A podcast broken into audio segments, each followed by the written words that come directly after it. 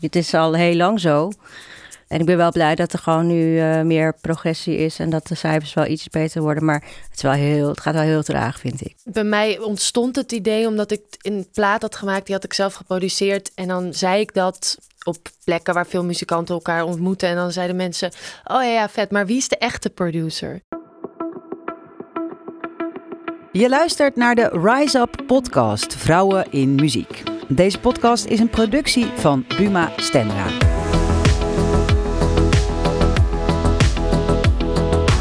Van alle bij Buma Stemra aangesloten muziekauteurs is slechts 14% vrouw.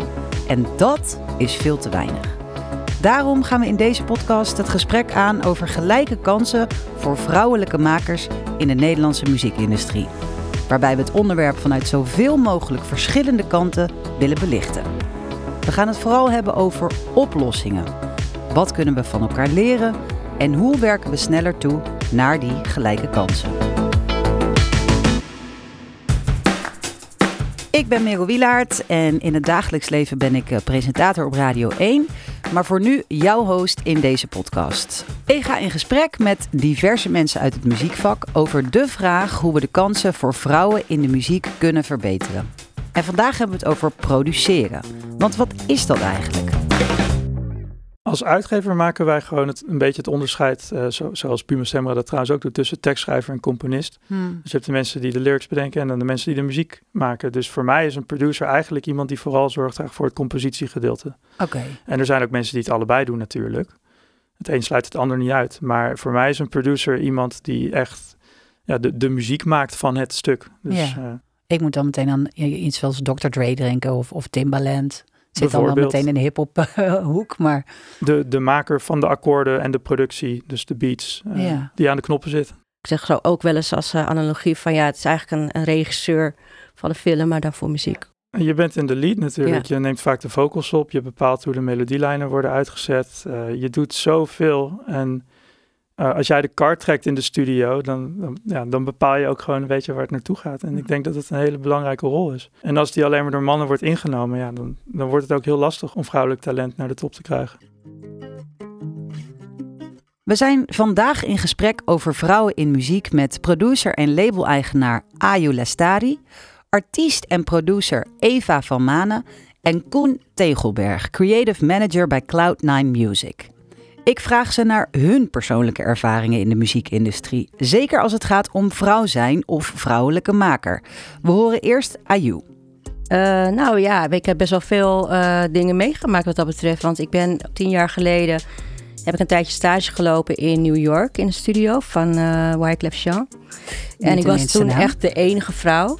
En ik was ook de enige niet uh, ja, Amerikaanse. Hmm. En dan merk je wel van, oké, okay, uh, je moet gewoon veel harder werken. Je moet wel, ja, om, om je te bewijzen of dat je het gevoel hebt dat je serieus wordt genomen. Dat, ja. Gewoon dat je voelt dat mensen zich afvragen, ja, maar waarom is zij hier? Hmm.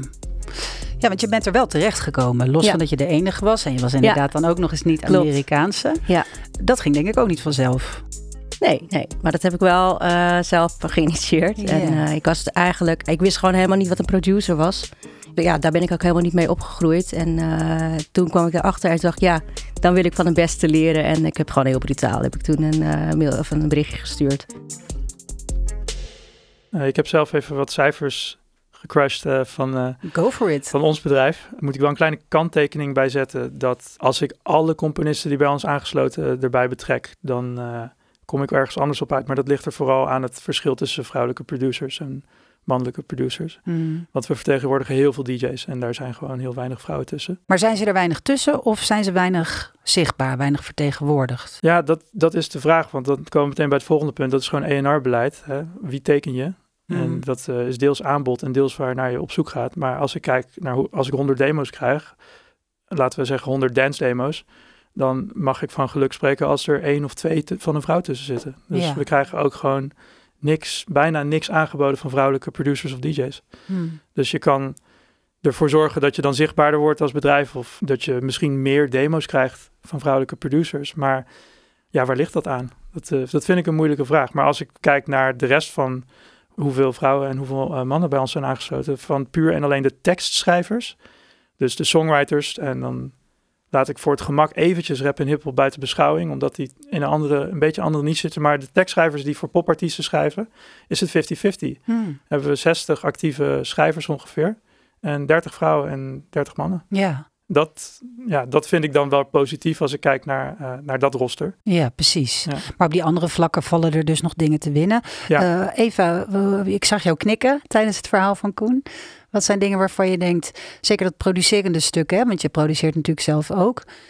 Weet jij het een beetje, wat het kip of het ei verhaal is? Zijn er weinig vrouwelijke producers? Weten ze de weg niet te vinden of wordt er niet actief naar gezocht? Ik weet dat in het onderzoek van Buma Stemma uit 2015, dus ik, de, wij, wij, hadden het daar ook van tevoren al even over, maar dat onderzoek ken ik en daar zijn cijfers van bekend. En is het 14% van de muziekmakers zijn vrouwen, maar 3% van de producers die zijn ingeschreven zijn vrouwen. Hmm. Dus dat is nog veel lager, dat percentage. Dus dat sluit heel Ja. erg aan bij de 100 dance tracks. Mag je van geluk spreken als er twee van, van vrouwen zijn? Nou, dat komt heel erg overeen.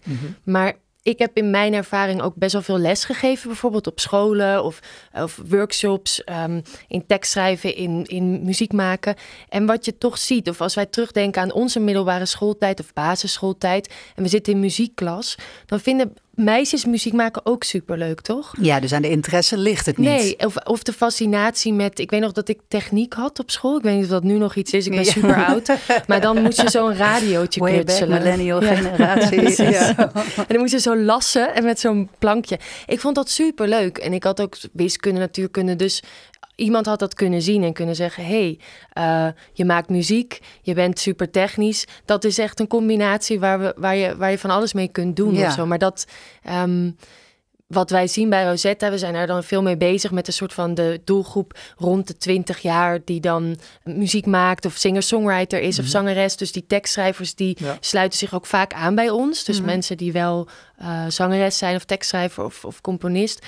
Maar dat er toch nog steeds ook onder vrouwen een soort idee zit dat er een technische drempel is. Ja. Waardoor wij bepaalde eh, dingen niet zouden kunnen. Dus engineering in een studio of eh, het produceren, aan de knopjes zitten. Ja. Ja. En dat is enerzijds iets wat door opleidingen komt, dus door, door, door school of door de. En het gebrek aan voorbeelden. Hmm. Dus het gebrek aan representatie. Als je naar, naar het conservatorium was, ik naar een open dag. Ik, zeg, ik noem niet wel conservatorium, het gaat er ook niet om.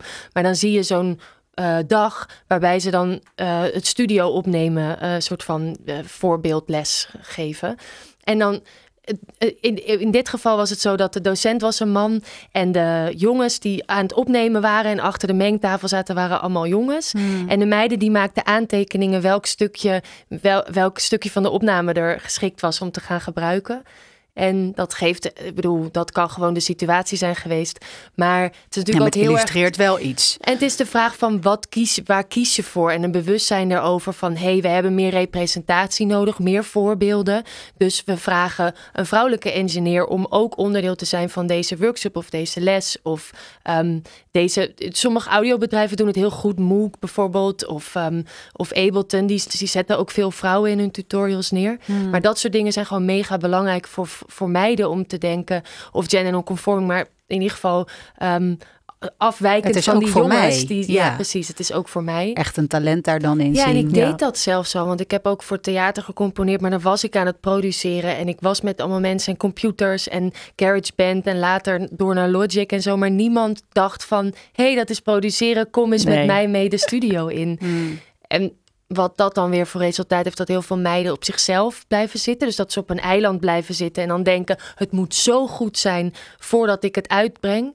Dat het helemaal perfect is en levelt met de voorbeelden die ik heb van producers die ik heel goed vind. Het lijkt erop dat zaken als perfectionisme en gebrek aan zelfvertrouwen ook een beperkende rol spelen in het succes van vrouwen. Dit kwam ook uit het onderzoek van Buma Stemra uit 2018. Maar hoe zit dat precies? We spreken songwriter, zangeres, toetseniste en producer Jantine Heij hierover. de obstakels die je tegenkomt zijn ook wel mensen die je bijvoorbeeld niet serieus nemen. En als je constant het gevoel hebt dat mensen je niet serieus nemen, of niet eens het gevoel, maar gewoon echt straight up evidence dat mensen je niet serieus nemen, dan is het heel moeilijk om jezelf serieus te nemen. En dat mensen tegen je zeggen van ja, je bent helemaal geen producer, bijvoorbeeld. Of eh, wat heb jij nou gedaan? Heb ik ook wel eens gehad. Dat, dat zeg maar de publishing splits ineens. eh, dat zij veel meer wilde. Om, omdat, God knows, terwijl ik het hele liedje had geschreven. Maar ja, gewoon dat soort dingen. En als je dat constant te horen krijgt, is het natuurlijk best wel moeilijk om dan steeds te denken: ja, maar ik ben het wel waard. En ik ben goed, ik kan dit, ik neem mezelf serieus. En dat is een continue battle wel. Die mannen natuurlijk ook moeten voeren, maar ik denk dat als vrouw dat dat nog wel iets uh, prominenter aanwezig is. Hoe verklaart Ayu die hang naar perfectionisme? Als het voor mij goed voelt, als ik denk van het is tof, dan, uh, dan breng ik het uit. Hmm. En, maar kan je het verklaren waar dat gevoel vandaan komt? Dat je, dat je misschien als vrouwelijke producer wel denkt ik moet zo exceptioneel goed zijn, want anders kom ik er niet doorheen. Ik denk ook dat het komt omdat vrouwen over het algemeen toch ook wat onzekerder zijn. Perfectionistisch hoor ik ook veel. Dat, dat vrouwen dan zichzelf ook daarin dus wat meer tegenhouden. Hmm. Mannen zeggen toch al sneller van, oh ja, dat kan ik wel. Ja. Dat, dat gebeurt gewoon heel veel. Denk je ook dat dat een reden is waarom vrouwen misschien minder snel iets aanbieden? Want ik heb het idee dat ja, ik krijg ik veel wel. vaker een demo Mhm. van... hey, check dit dus. Wil je dit Ja. even luisteren? En Ja, die, absoluut. die krijg ik gewoon iets minder vaak. Ja. Ook van de vrouwelijke componisten met een paar uitzonderingen... waar ik mee werk, die gewoon bij onder ons contract staan... is het meestal via de manager of... eh, Ja. Of soms van, hey, ik heb hier lang aan gewerkt, wat vind je hiervan? Maar niet constant elke dag van, oh, dit, check dit, check dit, check dit. Dat, eh, Ja, en die 3% Denk ik wel, ja. die in die cijfers staat van het, van het gendergelijkheidsonderzoek, dat, dat, Ja. dat wijst dat natuurlijk ook, dat, dat wijst daarop. Want je hebt veel meer vrouwen, we, we kennen wel veel meer mensen die met muziek produceren bezig zijn. Maar, maar het gaat, die 3% gaat over het professioneel uitbrengen van muziek en daarvoor Mhm. je werk registreren. Dus dat toont dat ook heel erg aan. Dat dan het moment totdat je dat gaat doen gewoon heel lang duurt bij heel veel Ja. vrouwen uit Ja. dat perfectionisme. Ja, ik- hoe was dat voor jou dan? Nou, Eh, ik moest ook denken aan dat ik de de laatste tijd door COVID ook zo, maar dat was dan ook, want ik heb dan een album geproduceerd en dan ga ik dat nu, ben ik dat nu aan het live spelen. En dat ik daar ook heel veel spanning voelde van, maar dat kwam meer door COVID. Zo van, nu is het moment, ik heb één optreden en ik moet dit goed doen, want daarna gaat alles weer maanden dicht. En dat is best wel een druk, waardoor je ook heel perfectionistisch wordt. En toen nu weer dingen open gingen, kon ik de tour gelukkig afmaken en ja, inhalen. En toen dacht ik gewoon ook echt, liet ik dat los. En dat perfectionisme van dat het allemaal perfect moet zijn. En toen had ik heel veel plezier. En dan komt er toch ook meer groove in je muziek of Klopt. zo. Dus gewoon wat jij zegt van ja, nu doe ik dat niet meer. Dat is ook iets wat heel veel producers ook heel goed maakt. Dat ze gewoon een beetje zo aan het jammen zijn. Of, of Je los, iets- gewoon ja, je, een een beetje beetje los vanuit je losheid jezelf kan zijn. En daarvoor moet Ja. je natuurlijk ook veel ervaring en veel meters maken. Maar dat dat, dat dat gewoon heel veel oplevert binnen... Want we hebben het ook over muziek. En niet een super strak evenement organiseren. Maar gewoon... Maar, maar Precies toch ook wel een, een belangrijk punt, hè, wat, wat, wat Koen zegt. Want ik hoor wel degelijk heel veel welwillendheid. Maar als die Mhm. drempel blijkbaar zo groot is om dat contact te maken, eh, zou je dan kunnen zeggen, we moeten het misschien eerst omdraaien. Dus dat, dat we eerst veel actiever gaan scouten.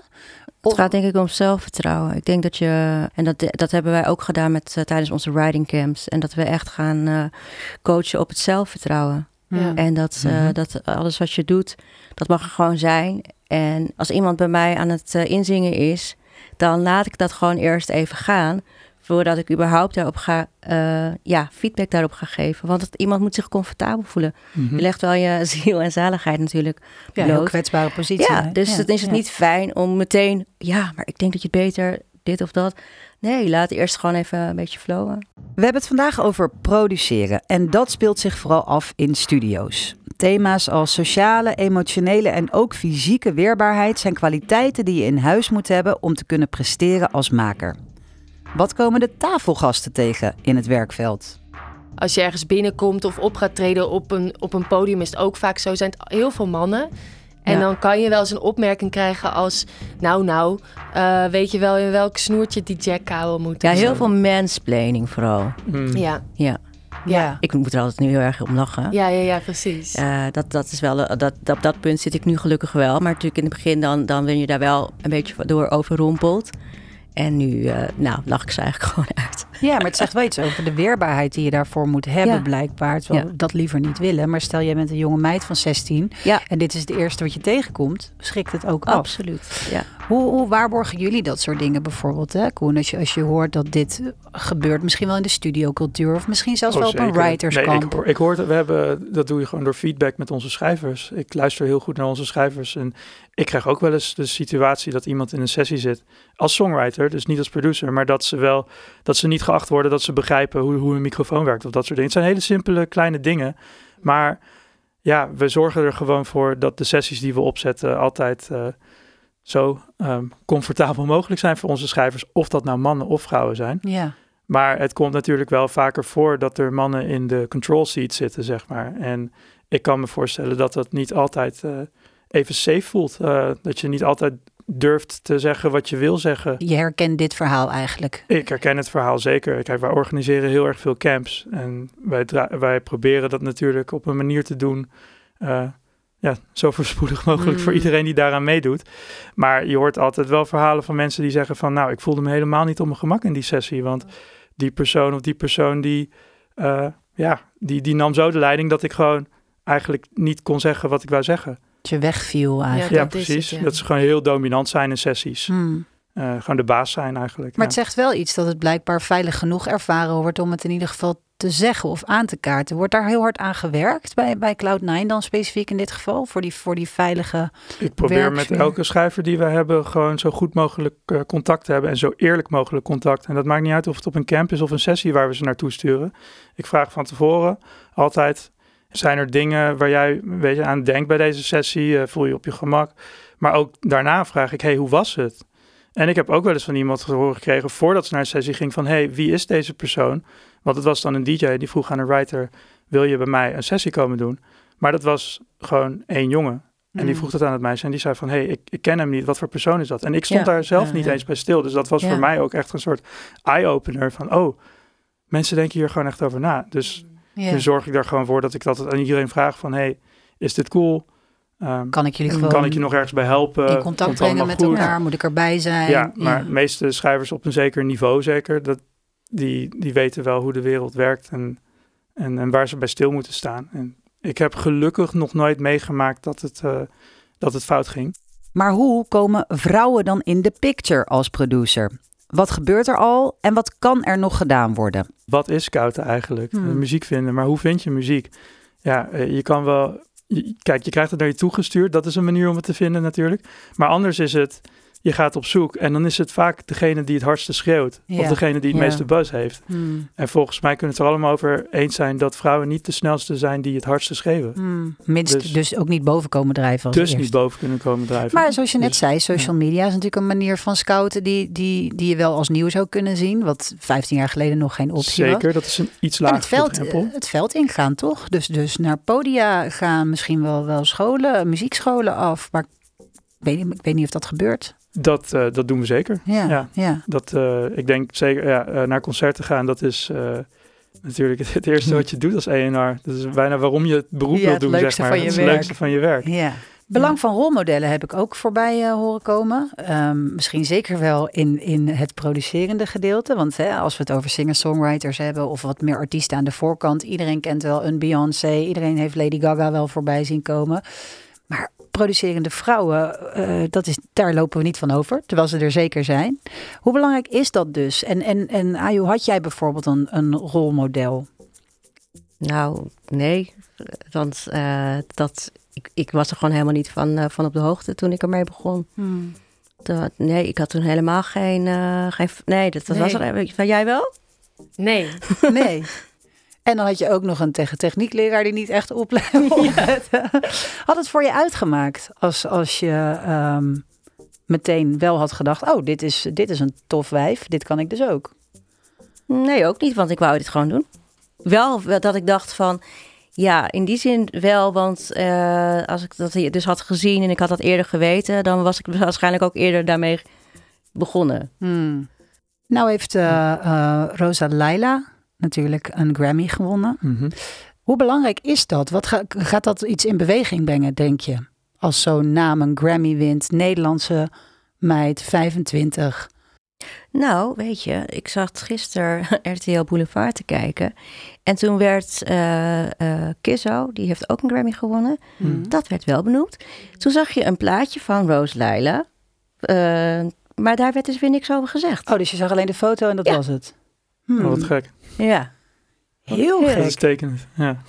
Dus toen dacht ik van, dan, Ja. eh, we zijn weer terug bij af. Nou ja, dan Eigenlijk. kan je wel. Wat, wat doet zo'n winst ertoe als het vervolgens niet opgeblazen wordt? Terwijl dat bij anderen wel gebeurt. Eh, bijvoorbeeld vanuit jouw rol, denk je als je zo'n Rosa Leila ziet winnen, denk je dan, oeh, dat zou best wel eens kun- positief kunnen zijn voor mensen die zich weer bij ons gaan, gaan aanmelden. Absoluut. En eh, we maken er ook echt een punt van als we vrouwelijke producers tekenen. Ja. Dus we hebben er ook eh, een paar op het roster die ook veel succes hebben. Nervo is een goed voorbeeld. Dat is een van onze meest gesinkte artiesten ook. En dat zijn eh, twee, twee zussen, Hmm. vrouwelijke producers, maken EDM.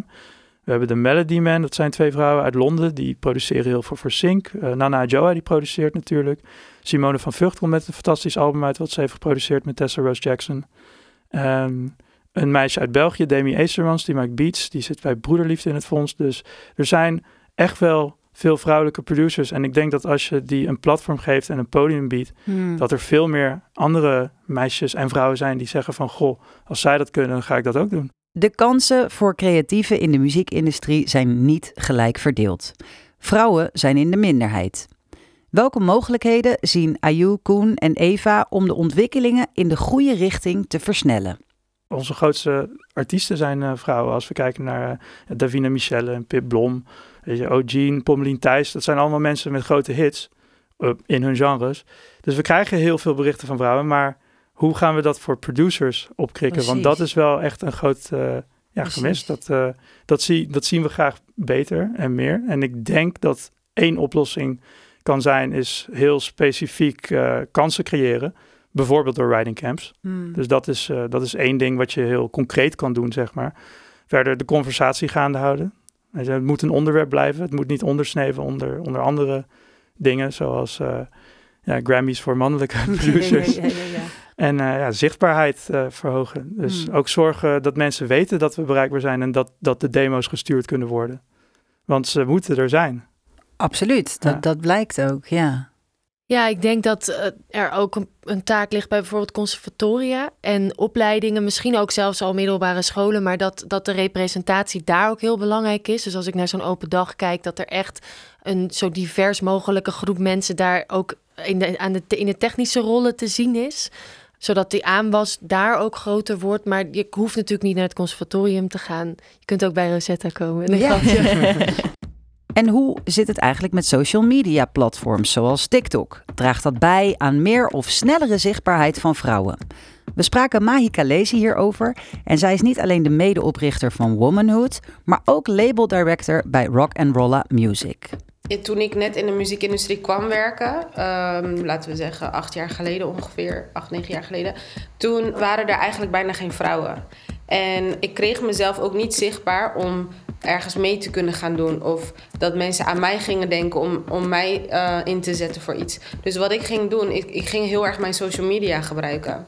Dus ik ging mijn werk of waar ik was of wat ik aan het doen was, heel erg op social media eh, aan het zetten. eh, om het te gebruiken als een soort portfolio. En doordat mensen dat zagen, ja, dachten ze eerder of sneller aan mij. Of dan gingen ze me benaderen voor iets. Maar je had daartegenover ook weer de mensen die zeiden van... Ja, jij wil de hele tijd in de spotlight staan. En jij wil de hele tijd zichtbaar zijn. Jij zoekt naar veen. Jij bent typisch zo'n vrouw. Weet je wel? En dat deed me aan het begin heel erg veel pijn. Maar daarna, ja, ik heb de vruchten daarvan afge... Ja, hoe zeg je dat? Plukt. Dus eh, daarna dacht ik van, ja, je kan zeggen wat je wil. Maar ik heb daar, daaruit wel gemaakt wat ik nu ben en wie ik nu ben. Eh, ik heb samen met mijn eh, nichtje Womanhood opgericht. En Womanhood staat voor de vrouw in de creatieve business, in de entertainment business. We merkten op een gegeven moment dat we naast social media bijvoorbeeld, want sommige mensen houden daar echt niet van of vinden dat toch nog lastig. Of sommige mensen komen niet op hun pagina's. Dachten we, we gaan ergens iets, eh, een podium geven aan die vrouwen om hun in het spotlight te zetten, zodat ze hun verhaal kunnen doen. Naast het zichtbaar maken van die dames kregen wij ook heel vaak in onze DM's van jongere meisjes of jongens ook. Van hoe ben je tot eh, daar gekomen waar je nu bent en heb je daar een studie voor gedaan? En toen dachten we van nou, dan kan het en e- educatief zijn. Want dan kunnen die dames vertellen van hoe hebben ze dat allemaal gedaan om daar te komen waar ze nu zijn. En die vrouwen kunnen hun verhaal doen om meer zichtbaarheid te creëren. Ja, bij Womanhood, onze YouTube-kanaal ook Womanhood, The Woman met een X. Uh, dat is voor genderneutraal zijn. Er staan al onze afleveringen met echt hele mooie dames die echt extreem mooie verhalen doen. Het leuke van TikTok is, is dat er geen centrale controle is over wat er boven komt drijven. Het is een algoritme. Dus als het publiek bepaalt dat iets goed is, dan is dat goed. Niet omdat iemand van bovenaf zegt, nou, hier gaan we in investeren. Hmm. Dus, en dan maakt het niet uit of het een meisje of een jongen is. En ik denk dat we als samenleving, die volgens mij wel redelijk 50-50 is, dat je dan automatisch gaat zien dat mensen aanslaan op veel meer vrouwelijke makers. Omdat dat gewoon uit zichzelf bovendrijft. Ja. En niet via een label of uh, waar, waar andere mensen het voor het zeggen hebben. Dus ik denk dat TikTok automatisch heel veel vrouwelijke makers naar voren pusht, omdat dat gewoon is wat mensen willen horen. Hmm. Dus daarom vind ik dat een hele interessante manier om nieuwe dingen te ontdekken. We spraken ook Marg van Eenbergen, producer en songwriter, over manieren die zouden kunnen werken om de positie van vrouwen in het producerschap te verbeteren. Ik denk dat er wel verschillende strategieën zijn die binnen de muziekindustrie heel positief kunnen werken voor, uh, om vrouwen meer kansen te geven. Ik denk alleen dat het heel moeilijk is om dat bij het co-writerschap en het producerschap uh, te doen. Het enige waar ik wel echt in geloof zijn de rolmodellen. Dat is het enige waarvan ik denk, ja, daar, kan gewoon niemand zich een buil aan vallen. Laten we dat gewoon wel uh, doen. Ik weet dat er op heel veel popconservatoria en zo zijn er niet zoveel vrouwen die lesgeven in de, de technische creatieve kant. Um, waar produceren toch heel veel mee te maken heeft. Laat er in ieder geval een keer een, een vrouw langskomen voor een workshop. Het, ik heb gemerkt, um, en ik heb ook best wel veel jonge vrouwen, producers gesproken. Op een of andere manier komen die bij mij terecht. En dan zeggen ze, mag ik stage bij je komen lopen? Daar heb ik geen tijd voor. Ik zeg altijd, kom even langs. Kunnen we het altijd gewoon even over hebben van wat je wil. En dan kan je zien hoe ik door de week heen werk en zo. Dus op die manier probeer ik wel te helpen. If they reach out to me, stel ik altijd mijn deuren open. Um, maar wat ik dan merk is dat eigenlijk voor zoiets als bijvoorbeeld een producercarrière, waar ook een technisch leiderschapsaspect in zit, is het gewoon fijn om één keer een goed voorbeeld te zien. Oh, dit is een vrouw die werkt gewoon fulltime in de studio, heeft gewoon een gezin, gaat prima. Je kan daar gewoon een langdurige carrière in hebben. En als je zo iemand dan ziet bij een workshop op je school of zo, je hoeft maar één keer of een paar keer in je leven een goed voorbeeld te zien waarvan je denkt: oh, zo kan het dus ook. Om met Maan uh, te zangeres Maan uh, te quoten. Zo kan het dus ook. Ik ga doen wat zij doet. Je hoeft maar één of twee keer je leven langs te zien komen. En dan ga je dat gewoon doen. Maar als alle voorbeelden die je bij je lessen en in de YouTube tutorials ziet allemaal mannen zijn, dan lijkt het hem ook wel moeilijk om te denken: oh, dat ben ik. Maar ja, daarom rolmodellen. Ik denk dat dat de way to go is. Genoeg ideeën om de boel een beetje op te schudden dus. Maar wat ik me afvraag, heeft al dat opschudden al wat opgeleverd? Want ik denk dat er ook een hele positieve beweging onder jonge mensen gaande is. Dat, dat uh, inclusiviteit en diversiteit en denken over um, ieders individuele identiteit, zeg maar. En wat mm. dat dan is. Dat dat uh, ja, nogal gaande is ook onder jonge mensen. Wat ik altijd heel tof vind om te zien. Ja. En dat er over pronouns dus niet, niet raar gedaan wordt, bijvoorbeeld. Van veel vertrouwen in de, in de nieuwe jonge makers. Klopt. En ik, wat ik ook nog wel toevoegen, wat, wat ik ook merkte tijdens uh, onze riding camps, dat uh, alle dames waren gewoon zo supportive naar elkaar toe. Mm. En ook dat er ook vaak werd gezegd of gedacht dat voor vrouwen, ja, dat er dan geen, dat niet genoeg ruimte is of plaats. En dat vrouwen daarom dan ook jaloers doen tegen elkaar. Nou, dat was totaal niet zo. Ja. En dat vind ik wel heel mooi om te zien. Dit was de Rise Up podcast Vrouwen in Muziek, een productie van Buma Stemra. En we gaan graag via socials met jou in gesprek over dit onderwerp en natuurlijk de oplossingen.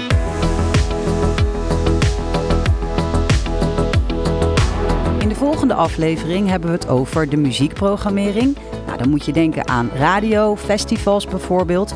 En wil je dat nou niet missen? Abonneer je dan op deze podcast via jouw favoriete podcast-app.